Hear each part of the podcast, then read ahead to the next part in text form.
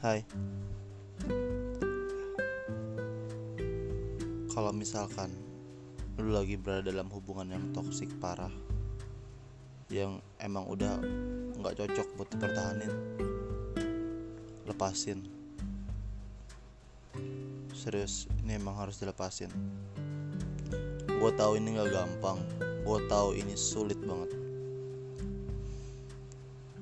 Cuma kalau lu milih tetap bertahan dalam keadaan yang seperti itu.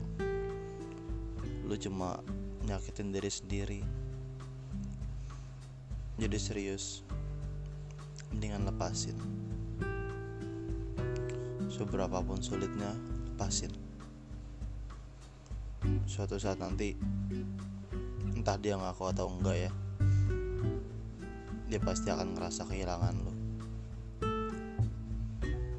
dia pasti akan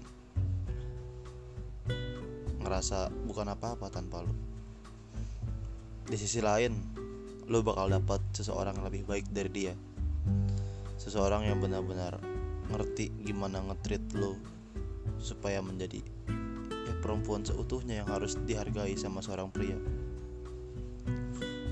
Jadi untuk teman-teman yang lagi berada dalam fase toxic hubungan lepasin. Jangan ditahan-tahan sakit coy